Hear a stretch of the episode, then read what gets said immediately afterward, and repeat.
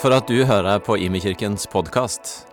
Er du interessert i en utdannelse innen ledelse og teologi? Gå gjerne inn på hlt.no slash stavanger og finn ut mer om heltids- eller deltidsstudier. God søndag kveld.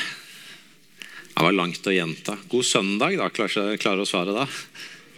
Ja, det var bedre. Veldig bra. Flott å se dere. Flott å få feire gudstjeneste sammen. Eh, for du som er på besøk eller ny, jeg heter Egil Elling, en del av pastorteamet her i IMI, og skal få bruke noen minutter på å dele litt fra en tekst i Bibelen.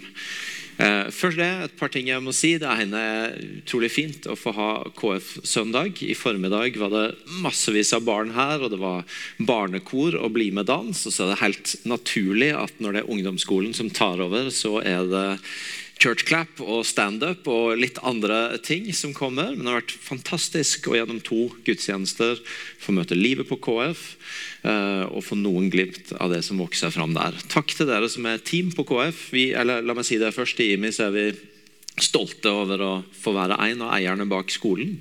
Og jeg har lyst til å si takk til dere som er teamet på skolen for det dere har latt oss møte i dag, og for eh, det, dere gjør gjennom året med å bygge den skolen. Takk også til dere som er på besøk her, som ikke bruker å være i meg til vanlig, men uh, har kommet i dag fordi at det er KF-søndag. Utrolig flott at dere vil være med og lage denne festsøndagen for KF. Det andre jeg vil si før jeg skal gå inn i fokuset for i kveld, det er at uh, altså IMI så har vi over mange år hatt et fokus på hvordan kan vi være med og bety en forskjell på, for mennesker som er nye i landet vårt. Hvordan kan vi være med og eh, bidra til at mennesker som har kommet på flukt, som av ulike grunner har søkt mot vårt land, kan eh, finne seg til rette her. Og Det har hatt ulike utslag i vi, eh, ting vi gjorde når flyktningstrømmen kom for noen år tilbake, i engasjement for de papirløse eller rettferdighetsløse, som vi også sier. Eh, språkskole, ulike ting. Og Gjennom det så er det også noen som på en måte har blitt eh, familie for oss. Så Folk som ikke bare vi har fått noen punkter med, eller får være med i en fase, men folk som har blitt en del av huset, og som vi har blitt utrolig glad i. En av de, han heter Omid. Han kom i 2015, er fra Afghanistan. Eh, ble en kristen i 2016, har muslimsk bakgrunn. Og har siden det vært her på huset, tjent på mange ulike vis. Jeg tror han er her nesten hver dag. Han har gått på bibelskolen her. Ehm, men ikke hatt en avklaring i forhold til opphold. På og gått og venta nå så veldig lang tid på å få en avklaring på det. På onsdag så skal han inn til intervju eh, hos UNE, Utlendingsnemnda, hvor temaet egentlig er er hans kristne tro troverdig. Eh, eller er det noe han uttaler for å få opphold.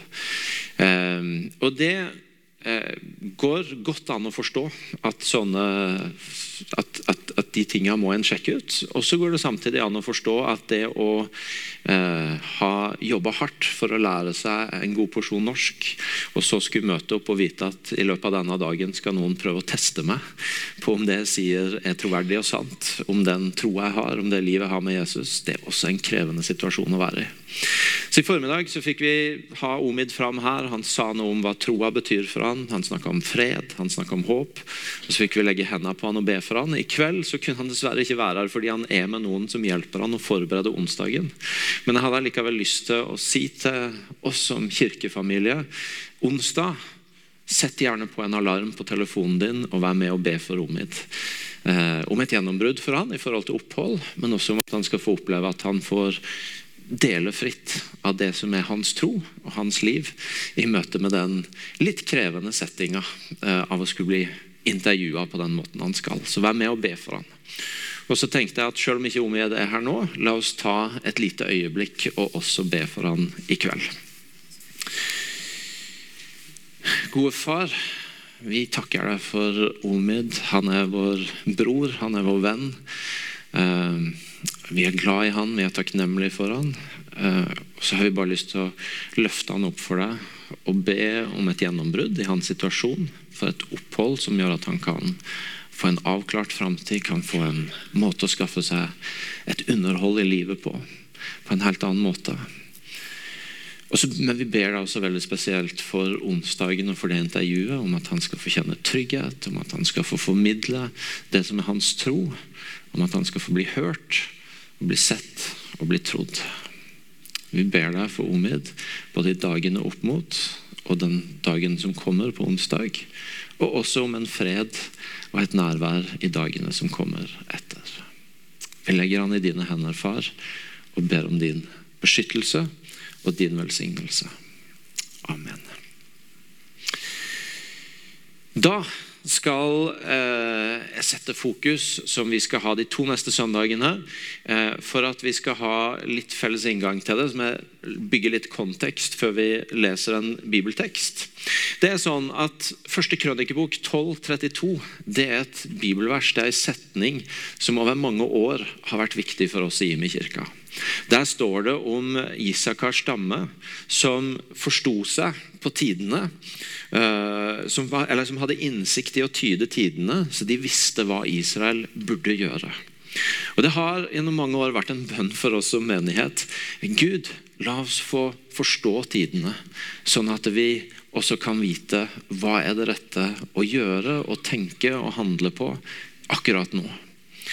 Det har på den ene sida et sånt ut-perspektiv av et fokus på samfunnet rundt oss, verden vi lever i. Hva skjer nå? Hva er, hva er, det som er på agenda nå? Hva er folk opptatt av nå? Hvilke spørsmål sitter folk med nå? Hvordan berører det våre liv? Og, og ha et aktivt forhold til det. Men så har det selvfølgelig også et oppoverperspektiv av Gud. Hva er det du gjør nå? Hva er ditt perspektiv på det som skjer i denne tida? Hva er dine tanker? Hva er dine svar? Hva er det du gir oss å holde blikket på i det som er den tida vi lever i? Og så er ikke eh, det Eller la meg si først det kan være mer eller mindre spennende å høre på en pastor eller en predikant stå her og gi noen betraktninger om, eh, om, samfunnet rundt, og om hvordan vi skal forstå det og hvordan vi skal tenke om det. Men først og fremst så er jo vår rolle som kirke ikke å blande oss med mange andre kompetente stemmer i å analysere og forstå og, og snakke inn i. Men det er jo nettopp dette her oppoverperspektivet å både søke mot Gud i bønn og søke til Guds ord i Bibelen og spørre hva, hva er et himmelsk blikk på det som nå skjer? Det er mange som er flinke og som, eh, som kan hjelpe oss til å forstå og til å analysere tida vi lever i. Men, men Gud, hva er ditt perspektiv? Hva gir du oss å tenke? Hvordan kan vi få dele det med hverandre? Og så er ikke det en sånn pastorsbønn, så han har noe å si til resten som skal høre på en søndag. Men det er en oss-bønn, det er en fellesskapets bønn. Hvordan kan vi som folk få lov til å være et fellesskap, etterfølgere av Jesus, som har et gudsperspektiv på tida vi lever i, på utfordringene vi møter, og som vi kan få ta med oss inn også til menneskene vi møter. Det er et oss-perspektiv, og det har en retning mot den verden vi lever i. Og Derfor så har vi eh, rydda litt plass uten å egentlig ha planlagt det når vi planla dette semesteret i et par søndager. Fordi vi lever i ei tid akkurat nå som sikkert brukes litt forskjellige ord på, men i en sånn tittel som vi har lagd, så, så, har vi kalt det ei urolig tid. Det tror jeg er ett ord som, som, noen bruker. Andre har brukt ord som kriser. Og, eh, og Det er forskjellige ord som svirrer. Men, men, det er kanskje litt sånn at vi, vi kom ut av eh, vi kom ut av covid-tid med restriksjoner og med nedstenginger og med ulike utfordringer og var ganske klare for at ok, nå legger vi det mer eller mindre bak oss. I hvert fall med de bitene som hadde med restriksjoner og nedstenginger og sånn å gjøre. Og så er vi, så er vi klar for å ta tilbake normalen, ta tilbake hverdagen. Og så begynte det å komme nyheter om en krig i Ukraina som Helt klart, Hvis du måler i kilometer og avstand, så går det an å gi noen gode argumenter for at den er ganske langt unna oss, og, og stille spørsmål med hvorfor, hvorfor, den kommer tettere på oss enn en andre situasjoner rundt om i verden. Men så er det noe med vårt eget kontinent, det er noe med et naboland av oss som er involvert. Det er noe som gjør at for mange så vil det oppleves som at dette rykker noen hakk nærmere oss. Og så begynner i kjølvannet av det nyheter om strømkrise å komme. Det går knapt an å åpne en nettavis uten å få eh, grafer på utviklinger av det, priser på hva det koster å dusje eller vaske en maskin. Det er et ganske høyt fokus på at oi, her er det noe som skyter i været, og som er helt annerledes enn før. Og så begynner nyhetene om renteøkninger å komme, om en sterk inflasjon som må møtes med kraftige renteøkninger. Og, og for de som møter de renteøkningene, og etter, jo mer lån en har, jo tydeligere treffer det i en hverdag. Og så vet jeg at i et rom som dette, så vil vårt forhold til de tinga der være en stor bredde. Det vil sitte noen av dere her inne og primært ha et forhold til dette som en del av nyhetsbildet. Og, og Det kan være interessant nok å følge med på, det kan være engasjerende nok. Men det ikke, oppleves ikke å være tettere på livet ditt enn at det er en del av et nyhetsbilde du følger med på. Jeg husker særlig når det var litt sånn, På det mest intense med Ukraina-krigen så var det en som sa til meg har fått en, fått en ny del av morgenrutinen min, og det er å sjekke inn på Zelenskyj før jeg går videre i dagen. En litt sånn, du, du du, du engasjerer deg i det på den måten. Men så er det også noen av dere som merker at det på ulike måter kommer tettere på livet.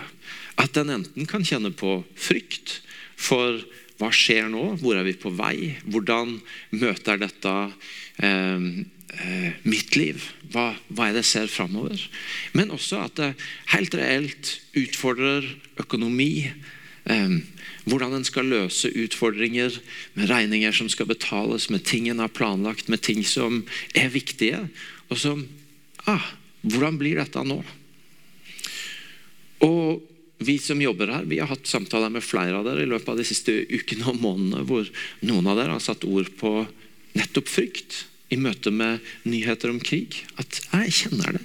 Det er noe som skjer inni meg. Og vi har hatt samtaler med andre av dere som er ærlige på at nå er det utfordrende. Dette utfordrer økonomien min. Dette utfordrer andre ting i livet mitt. Og Så hadde vi lyst til å rydde en plass til å snakke om det. Og Hvis det er sånn at du kjenner at dette har jeg for min egen del litt distanse til, det er mer nyhetsbilde enn helt innpå her, så er jo sjansene ganske store for at du har noen rundt deg som har det tettere inn på livet. Så Martin sa noe av det vi også skal gjøre i kveld, det å ha en, når vi er ferdig her inne, så er du invitert inn i torget. Der skal vi ha en samfunnsbyggersamtale hvor vi har noen utrolig spennende gjester med oss. Sjeføkonom i SR-Bank, Kyrre Knutsen, som er kjempedyktig på sitt område og kan hjelpe oss å forstå noe av hva er det som skjer nå men som jeg samtidig også gjennom samtaler har hatt med han før, vet at har mange spennende perspektiver på verdier som går utover kroner og øre og penger, og som skal være med oss der. Og så er vi også så heldige at vi har med oss Inge Takle Mestad, som er leder av Kirkens Bymisjon i Rogaland, og som har et forhold til hvordan dette berører menneskers liv, og hva det er som nå skjer med mennesker i byen vår, eh, og hvordan vi også kan være med på å møte det. Og når jeg maila litt med de og avklarte litt i forkant, så skriver Inge fra Kirkens Bymisjon at eh, for, for, han og for de så er det jo ikke sånn at disse utfordringene med strømpriser, med renteøkninger, med det med økonomi er noe nytt. Dette ser jo de. At mennesker i vår by og region har vært utfordra av i lang tid. Det nye er at det er mange flere som utfordres av det. At det er mange flere som får det tettere på. Og Det betyr at sjansene for at vi har folk rundt oss som er berørt, er ganske mye større. Og Det betyr Kanskje kjenner du at det vi snakker om disse ukene, er tett på ditt liv. Og i den grad du ikke måtte gjøre det, bruk det til å løfte blikket på hvem har jeg rundt meg som dette angår, og som jeg kan få være med på å bety noe for. Vi har valgt å legge til grunn i disse to ukene vi skal sette et fokus, eh, en tekst fra Hebreerne 12, 26 til kapittel 13, vers 6. Eh, det er en tekst hvor det står om rystelser i den første delen. Og så står det i de første versene i kapittel 13 om en del sånne Hvis du vil være snill, så kan du kalle det råd. Og hvis du vil si det det egentlige, så er det formaninger om hvordan vi skal leve i ei tid av rystelser. Og Jeg hadde lyst til å lese hele teksten nå. Og så skal jeg i de neste minuttene løfte fram tre fokus fra de siste versene i kapittel 12. Vi leser fra Hebreabrevet 12, vers 26. Den gangen fikk hans røst jorda til å skjelve. Men nå har han lova. Enda en gang vil jeg riste ikke bare jorda, men også himmelen. Her står det 'enda en gang'. Dette viser at det som kan rokkes fordi det hører til det skapte, skal skiftes ut for at det som ikke kan rokkes, skal bestå. Derfor, siden vi får et urokkelig rike, så la oss være takknemlige og med takk gjøre vår tjeneste i gudsfrykt og ærefrykt, til glede for Gud. For vår Gud en fortærende ild. Hold søskenkjærligheten levende. Glem ikke å være gjestfrie, for på den måten har noen hatt engler som gjester uten å vite det. Husk på de som sitter i fengsel som om dere var lenka sammen med dem. Og husk på de som blir mishandla som om det gjaldt deres egen kropp. La ekteskapet holdes i ære av alle, og la ektesengen bevares ren. For Gud vil dømme de som driver hor eller bryter ekteskapet. La ikke kjærlighet til penger styre livet, men nøy dere med det dere har. For Gud har sagt, 'Jeg svikter deg ikke og forlater deg ikke'. Derfor kan vi tillitsfullt si, 'Herren er min hjelper, jeg frykter ikke'. Hva kan mennesker gjøre meg? Denne teksten snakker om rystelser. Og Der ligger som et premiss i det vi har lest, at når rystelsen kommer, så er det noe som går an å se at skjer. Fordi når det rister, så er det noe som ikke tåler de rystelsene, som faktisk rister sånn at det, det faller sammen. Og så er det noe som tåler det og blir stående. Det er en annen tekst i Bibelen som gir mye av det samme bildet. Jesus det, snakker i Matteus 7 på slutten av det som heter bergprekenen, hvor han har eh, på flere ulike måter eh, malt ut det livet han kaller sine etterfølgere til. Og Det har stått om ting som å, som å, elske sine fiender, det har stått om hvordan vi skal forholde oss til bekymringer, ulike ting. Han har lært hvordan vi skal be. Og Så sier han på slutten av denne talen at de som hører og gjør disse ordene, de er som en som har bygd huset sitt på et fjell. Når stormen kommer, så står det støtt, og det står gjennom stormen. Mens de som hører dette og ikke handler, de ligner på eh, en som har bygd et hus på sand. Når stormen kommer, så rystes det, og det klarer ikke å stå. I begge disse bildene så er det et perspektiv av at eh, det er en rystelse som skjer, en storm som kommer. Og så går det an å observere noe av hva, hva det gjør. Det er noe som blir stående, og der er noe som ikke blir stående. Som ikke tåler rystelsen, som ikke tåler stormen. Og Dette tror jeg at mange av oss på ulike måter kan relatere til i, i, i livserfaring vi har med oss. At vi har opplevd en rystelse, at vi har opplevd en storm, noe som, som rysta litt. Og så, og så har vi kanskje på ulike måter opplevd at det kan ha med relasjoner å gjøre. At det var noen relasjoner som, som sto støtt i rystelsen, og andre som falt fra. Det kan hende at det var ting vi hadde trygghet i, som når det ble rysta Ja, noe sto, men noe sto ikke så støtt likevel. Det kan hende det var ting vi tok for gitt at, at vi hadde og at vi rådde over, som ja, ikke alt sto like støtt når det ble rista i. Og en kunne se at noe ble annerledes. Et eksempel for meg er jeg fra covid-tida med nedstenginger og restriksjoner. og alt dette her. For meg så ble det ganske tidlig en sånn greie rundt det med å ha kontroll på livet, ha kontroll i hverdagen. For meg så ble den tida en ganske sånn tydelig læring i at jeg har gått rundt og tenkt at jeg har mye mer kontroll på virkeligheten min enn det det faktisk viser seg å hadde.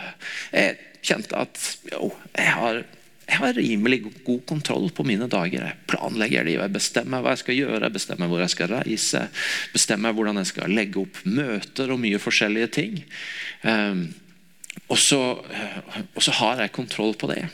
Og Så kommer eh, restriksjonene, så kommer disse endringene, og så ser jeg å nei, Glalling, her er det jo en hel del ting du ikke har kontroll på. Du har trodd du har hatt det, du har vært vant til å oppføre deg som du har hatt det. Men dypest sett, du har mye mindre kontroll enn du tror. Og Du kan fylle inn dine egne eksempler av å kanskje oppleve at noe rystes i, og så, og så går det an å se om noe står, og om noe ikke står i møte med stormen eller rystelsen. Det ligger også litt i dette at noen ganger så, så er dette en litt sånn momentant hendelse. Det skjer noe ekstraordinært som rister, og som gjør at det som skjer, og hva det gjør med oss, det er ganske synlig med en gang. Det kan være eh, en, en helt uventa hendelse som kommer inn. Et dødsfall, en, en, en sykdom, en, konflikt i relasjon. Eh, eh, forskjellige ting som gjør at ah, der rista det, og du merker ganske umiddelbart hva det gjør, og hva det ikke gjør. Men det kan også være andre ganger hvor det er litt sånn at det kommer litt snikende. Og litt sånn over tid så merker du at så plutselig så ser du deg tilbake og så ser du, å ja, men her har det jo skjedd noe. Her er det et eller annet perspektiv som har endra seg. Her er det noe som er annerledes i livet mitt. Jeg vet ikke helt hvordan det skjedde. Det er ei som heter Joyce Meyer, som har sagt noe jeg synes er bra. i hvert fall. Hun snakker om fred som en viktig verdi i livet. Og så sier hun noen ganger når jeg opplever at jeg har mista freden min, så må jeg gå tilbake og så må jeg finne ut hvor var det jeg mista den. Hva var det som skjedde? Og Det er en beskrivelse som illustrerer at noen ganger så er det momentant, men andre ganger så, så, så er det kanskje ting som sklir, som, som, tar oss, som gjør noe med oss over tid. Og så, og så må en litt sånn vekkes opp til det. Å ja, her er det skjedd noe. Hva betyr det? Og i dette her så ligger det jo noe som handler om å om en bevissthet på hva som skjer, og hva det gjør med oss. Om å, om å observere, om å se hva som skjer, og ha et forhold til hva det gjør med oss. Fordi at Hvis ikke, så er jo jeg og du på en måte overlatt til våre egne instinkter, til våre intuitive reaksjoner, til det som på en måte kommer inn og tar fokuset vårt. Jeg vet at noen ganger når noe treffer meg midt i fleisen, så kan det få rimelig stor plass i mitt hode og i mine følelser og i mine tanker. Og, og, og hvis ikke jeg har et aktivt forhold til det, så er jeg rimelig overlatt til mine egne instinkter og tendenser og det som jeg lett gjør. Det er en som har sagt om dette med å meditere at, at, hvis du tenker at du ikke kan meditere, så må du spørre deg sjøl kan du bekymre deg. For de fleste av oss, når vi begynner å bekymre oss, ja, da kan vi gnure på det ganske godt. Og så er vår mulighet å stoppe opp og spørre hva er det som skjer nå? Hva er det dette gjør med meg? Hva er det jeg kjenner nå? Hva er det jeg opplever nå? Hva er det jeg føler nå? Hvordan berører dette meg? Hva, hva gjør dette med meg? Det som skjer nå, og det jeg opplever nå. I Bibelen er det et par perspektiver. Ehm, David han lærer oss i Salme 139 å be. Ransak meg, Gud, og kjenn mitt hjerte. Prøv meg og kjenn mine tanker. Ransak meg, Gud, og kjenn mitt hjerte. Prøv meg og kjenn mine tanker. Og I ordspråkene fire så sier Salomo til oss, bevar ditt hjerte framfor alt du bevarer, for livet ditt går ut fra det. To vers som, sier, som, som gir et sånn bibelsk perspektiv på at det som skjer på innsida vår, er viktig. På den ene sida bevar, bevar, ditt hjerte, for livet ditt går ut fra det. Vi tror at det å leve et liv som en Jesus-etterfølger, er et sånn innsida-ut-liv. Vi tror at det som skjer på innsida, har så mye å si for det som kommer på utsida. og Derfor så lærer Salomo oss følg med på det som skjer på innsida. Pass på det som skjer i hjertet ditt. Ikke, ikke ha et sånt tilfeldig forhold til det, men, men, men, men, ha et aktivt forhold til det. Pass på det, for det, det har noe å si for livet ditt og for hvordan du lever. Og David han lærer oss å be denne bønnen som, som egentlig tar Gud inn i det og sier kanskje, kanskje du trenger at Gud hjelper deg å forstå hva som skjer på innsida noen ganger. Kanskje er det godt å ikke bare være overlatt til seg sjøl og sine egne tanker om det. Men, men Gud, ransak meg. Prøv meg å kjenne mine tanker. Hjelp meg å forstå det som skjer på innsida. I et bibelsk perspektiv så er det som skjer med oss i sånne utfordringer, det som skjer på innsida vår, hvordan det tar oss, hvordan det utfordrer oss, det er viktig. Og vi inviteres til å ha et aktivt forhold til det. I IMI så sier vi ofte at vi ønsker å leve sant menneskelig, sterkt åndelig. Vi ønsker å snakke sant om livet sånn som det er, Og Samtidig så ønsker jeg å snakke sant om Gud og hvem han er, og hva han kan gjøre. Og så er fristelsen ofte å velge en av delene, og enten dyrke sant menneskelig og, eh, og, og ikke helt våge å, å, invitere Gud inn i den ligninga, fordi at det utfordrer, eller kjennes spenningsfullt. Eller det å gå all in på det åndelige og egentlig ikke våge ærligheten på livet, fordi at det skaper dissonans med det vi sier om Gud. Men så er livet i spenninga mellom de to. Og i møte med rystelser, i møte med det som på ulike måter kommer nær på livet vårt, kan ta oss, kan skape frykt, kan skape usikkerhet, kan skape uro. Um, la oss være sanne. La oss ha et aktivt forhold til hva det gjør med oss. La oss observere hvordan det påvirker oss, sånn at vi kan ha et bevisst forhold til det. Det handler på den ene sida om stillhet, om å gi rom i livet for å bli stille. Og ha et forhold til hva skjer nå? Hva rører seg i meg nå? Hva, hva er det? Hva betyr det? Hvordan uttrykker jeg det? Men det handler også om fellesskap, om å sette ord på disse tinga i møte med andre. Om å våge ærligheten i vennskapet, i huskirka, hos forbederen, i, rundt familiebordet eh, våge å snakke det ut. Kanskje dette er tid for å tørre å sette ord på at noen ting utpreger meg mer enn jeg tror. Nei, enn jeg, enn jeg, enn jeg har våget å si.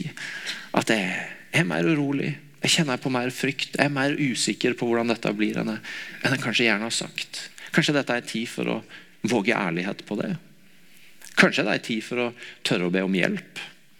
Tørre å si at jeg, jeg vet ikke helt hvordan vi skal klare det løpet som ligger foran. Jeg trenger hjelp. Det har noe med stillhet å gjøre, det har noe med fellesskap å gjøre. Det har noe med å si det ut. Vi sier ofte i kristne sammenhenger at sannheten setter deg fri. og Det er et utsagn som har mange perspektiver. så Jeg skal ikke dykke i det nå, men, men, det er også noe med det at noen ganger når vi, når vi tester ut det som rører seg på innsida, sier det ut, så får vi ofte en ganske sånn god test på hva er sant og noe vi må forholde oss til. Og Hva er egentlig ikke så sant? Og lufta går litt ut av det idet vi våger å si det ut og teste om det flyr. Og Derfor så er stillheten for å kjenne etter, fellesskapet og det å, det å våge å invitere andre inn i det, men også sannheten og tørre å tale det ut. Noen viktige ting på det første punktet jeg hadde i dag om rystelser, nemlig observer. Hva er det som skjer med meg? Hvordan berører dette meg? Så går teksten videre. Og Den, altså, den snakker om det som skal skiftes ut det, når det rokkes, om det som blir rysta. Og Så står det videre for at det som ikke kan rokkes, skal bestå. Samtidig som noe rokkes og noe ikke blir stående, noe ikke viste seg holdbart i møte med stormen, så er det noe som blir stående. Og Da er det gjerne sånn at det blir enda viktigere. At eh, det som blir stående igjen, det får en enda viktigere plass i livet. Det blir, det blir en enda viktigere ting å, å, gi rom til og gi fokus til. Og Helt til vi begynte å snakke om disse to søndagene og dette perspektivet, og når jeg har bedt inn mot denne søndagen, så er det ett ord som, som jeg ikke har klart å slippe, og det er ordet forenkling. At det ligger noe i dette perspektivet av å bli rysta i, og at, eh, at noen ting kanskje rystes bort. At det er noe som forenkles, noe som fokuseres skarpere inn i livet. Sånn at noe blir viktigere, noe blir mer fokusert. Der, eh, jeg hørte en si denne uka om, om det med forenkling, at, at, det er egentlig noe som intensiverer eh, viktigheten og erfaringa av det som står igjen. Han, han, brukte mat som et eksempel. at Når du forenkler mat, når du skjærer bort en del fyll og står igjen med det viktigste, så intensiveres smakserfaringa. Han brukte det som en illustrasjon på hvordan det at noe rystes bort og noe stås igjen, at det skjæres ned, at noe blir forenkla og noe blir viktigere, det, det, intensiverer viktigheten av det som står igjen. Um, og jeg tror at dette er en tid hvor helt sånn konkret så utfordres noen av oss på forenkling i det konkrete.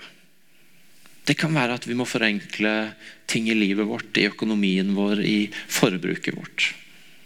Det kan være banale eksempler, men, men, men, ting som at det er en grense for hvor mange strømmetjenester du kan ha, hvor mange turer du kan reise på, hvor mange ting du kan gå ut på.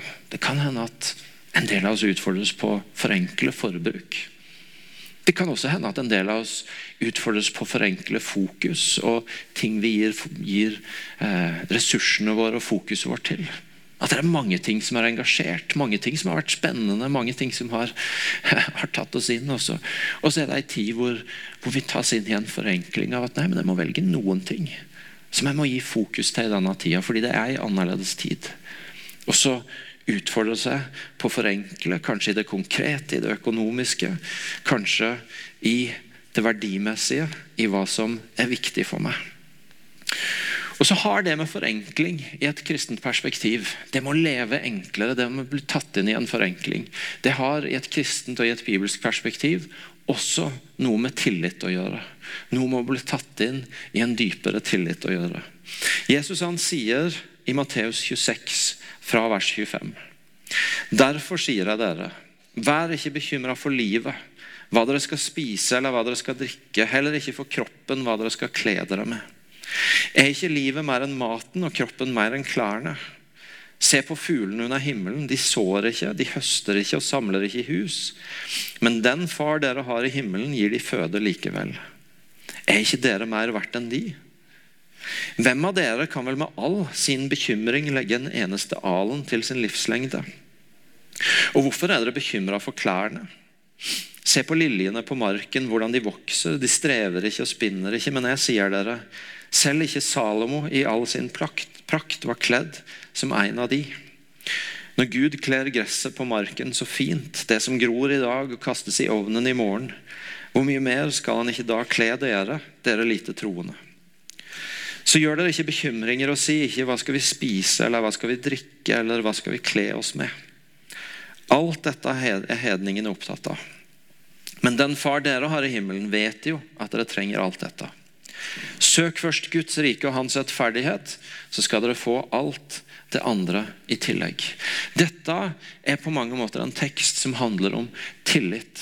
Det er en tekst som sier at i bunn og grunn så er livet sjøl og alt det vi har i livet, en gave fra Gud. Det er ikke vårt. Det er ikke vi som har styr på det, det er ikke vi som har kontroll på det. Men, men både livet og det vi har i livet, det er en gave fra Gud.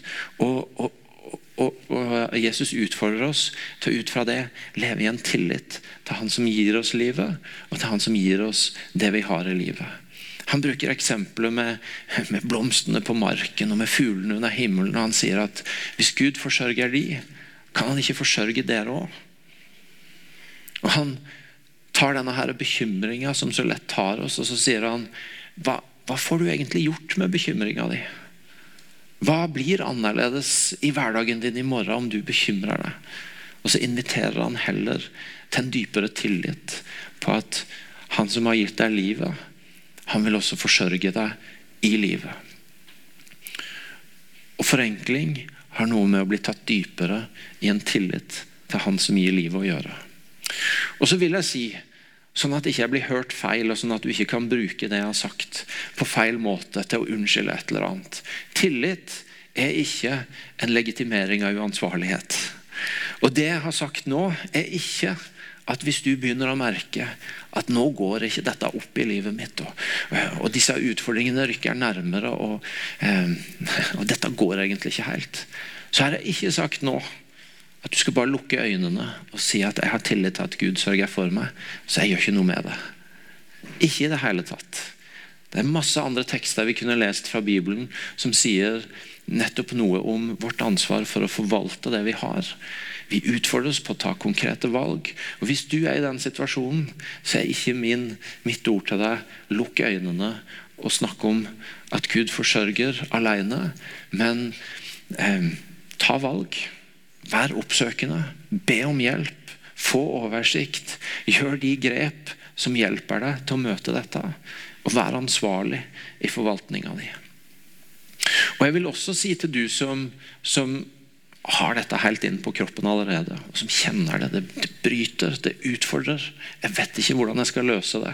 Og hvor eksempler om strømmetjenester og, reiser blir banale fordi du er på et helt annet sted i hva dette bryter på. At poenget mitt er heller ikke å si at det, det er ikke så farlig. Bare tenk at du skal ha tillit til Gud, og så, og, så, og så, klarer du på en eller annen måte å fortrenge de tingene som er i det.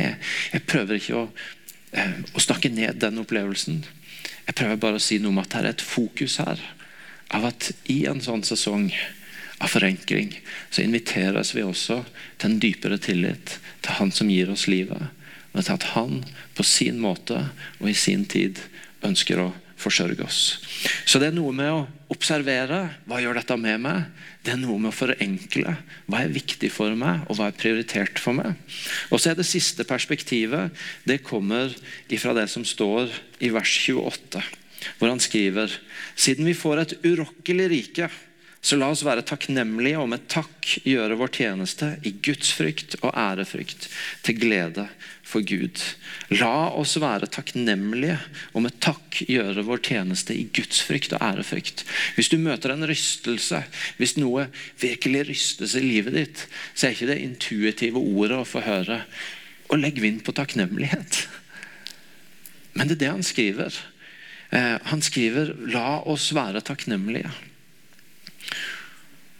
Og Der er en klok åndelig veileder som heter Henry Noven. Han har skrevet om takknemlighet. Takknemlighet går forbi mitt og ditt og hevder den sannheten at alt av livet er en rein gave. Tidligere så tenkte jeg alltid om takknemlighet som en spontan respons på at jeg ble oppmerksom på gaver jeg fikk ta imot. Men nå har jeg innsett at takknemlighet kan også bli levd som en disiplin. Takknemlighetens disiplin er den eksplisitte innsatsen til å anerkjenne at alt jeg er og har, er gitt til meg som en gave av kjærlighet. En gave jeg kan få feire med glede. Takknemlighet ikke bare som en spontan respons, som en følelse, som noe som bare popper ut. Men takknemlighet han sier som en disiplin, som et valg. Som noe jeg kan velge å ha som et fokus i livet mitt. Jeg tror For ganske mange av oss er det lett å få inn en vane av at noe av det første du gjør hver morgen, er å sjekke Tibber eller hvilken strømapp du nå har. Hvor mye strøm brukte jeg i går? Hvor mye kosta det i går? Det er ikke sikkert det er like intuitivt å legge inn en vane av hva har jeg å takke for i dag? Hva er jeg takknemlig for i dag? Hva skal jeg velge å gi mitt fokus til? At dette vil jeg takke for som en gave av livet sjøl og Han som har gitt oss livet i dag. Men det er noe i denne teksten som utfordrer oss på i en sånn tid å velge noen ting. Velge noe om hvem vil jeg være, hvordan vil jeg leve, hvilke verdier skal jeg holde fast på? Selv om det stormer rundt meg og det ikke bare kommer intuitivt. Og så er jeg litt misunnelig på Geir, som får lov til å ha teksten neste uke, de første versene i Hebreerne 13. For der står det så mye flott som, som, jeg egentlig har lyst til å male ut. Om å legge vind på gjestfrihet, om å holde søskenkjærligheten levende, om å, om å bevare rausheten. Men jeg skal ikke ta, jeg skal ikke rappe de. Men på 10 000 fot blikket så er det jo noe i perspektiv av at når en begynner å kjenne at nå trykker det til rundt meg, nå utfordrer det seg, nå kjenner jeg på frykt, nå kjenner jeg på uro, så, så kan en respons være litt sånn Skalk alle luker. Nå gjelder det bare å skalke lukene og knipe sammen og prøve så best jeg kan å komme meg gjennom dette. Og så er på en måte summen av det vi har lest i dag, og det Geir skal snakke om neste gang Ikke lukk deg inne. Ikke skalk lukene, men hold deg åpen. Hold deg åpen for Gud, som giveren av livet og av det som er i livet. Men hold deg også åpen for menneskene rundt. Er dette ei tid for å legge raushet på båten? Det var fint å være raus når jeg hadde kontroll, men nå som jeg brynes, så får rausheten stå på pause til jeg er tilbake på andre sida. Nei, hvilke verdier skal jeg leve også i denne tida? Ikke målt i mengde, størrelse, kroner og øre. Jesus han ser på den lille gaven til ei fattig enke og så sier han, hun ga mest. I Guds rike så er ikke økonomien på kroner og øre og størrelse, men det handler om hjerte, om verdi, om hvordan jeg vil velge å leve. Og jeg tenker at Det tredje fra denne teksten i møte med den tida vi snakker om, er å velge noen ting. Dette vil jeg holde fast på. Dette vil jeg ikke lukke meg inn for. Disse verdiene skal få være en del av mitt liv i gode tider og i urolige tider. Og det tror jeg vi alle kan la oss utfordre av. Og så skal Geir få lov til å male ut noe av det som de verdiene som ligger der, neste uke. Vi tror at skal dette bli til liv for oss, skal dette virkelig få plante seg i oss, så er det ikke bare å høre det på en søndag kveld, men det handler også om å reflektere over det, be over det, samtale om det. Derfor har jeg laga tre spørsmål til dere, som dere hvis dere vil, kan få ta et bilde av.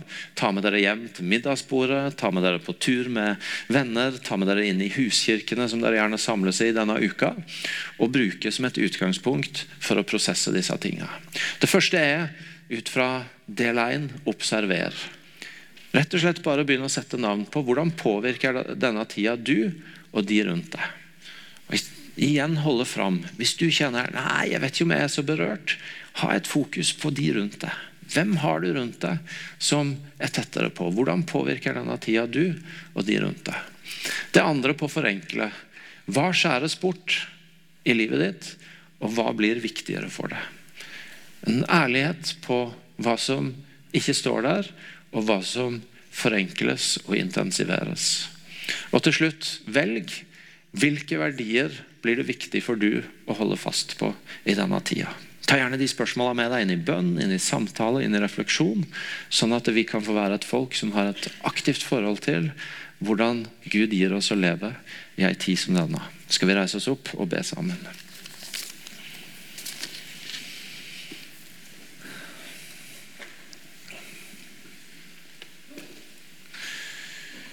Gode far, takk for at du er giveren av alt liv. Og takk for at du er god. Og takk for at du er den som vil sørge for oss, både i rolige tider og i urolige tider. Vi ber deg om at du lar oss få tak i hva som er på ditt hjerte, og hva som er dine perspektiv, akkurat i den tida vi lever i nå. For vårt eget liv og for de menneskene rundt oss og den byen vi lever i sine liv. Vi ber Deg, Hellige Ånd, til å komme til den enkelte av oss og hjelpe oss til å komme både til en ærlighet på hva som skjer på vår egen innside, men også med et blikk på hva som skjer hos andre. Og vi inviterer Deg, Hellige Ånd, til å bli tydelig med oss på hva som er viktig i denne tida. Og hvilke valg vi skal få gjøre, hvilke verdier vi skal få holde fast på. Som skal få stå der som ei pål i livet vårt. Og som du gir oss å holde fast på. Og så har jeg lyst til å be deg spesielt for de i dette rommet som er i god kontakt med frykt, uro, bekymring og helt reelle problemer og utfordringer med hvordan ting skal gå opp, og hvordan ting skal løses. Hun ber deg om at du kommer nær til din far. At du både lar dem få erfare at du er der, at du bryr deg, at du vil gå med dem. Men også at du er en fredens gud, og du er en gud som forsørger. Som gir livet, og som gir de gavene livet gir.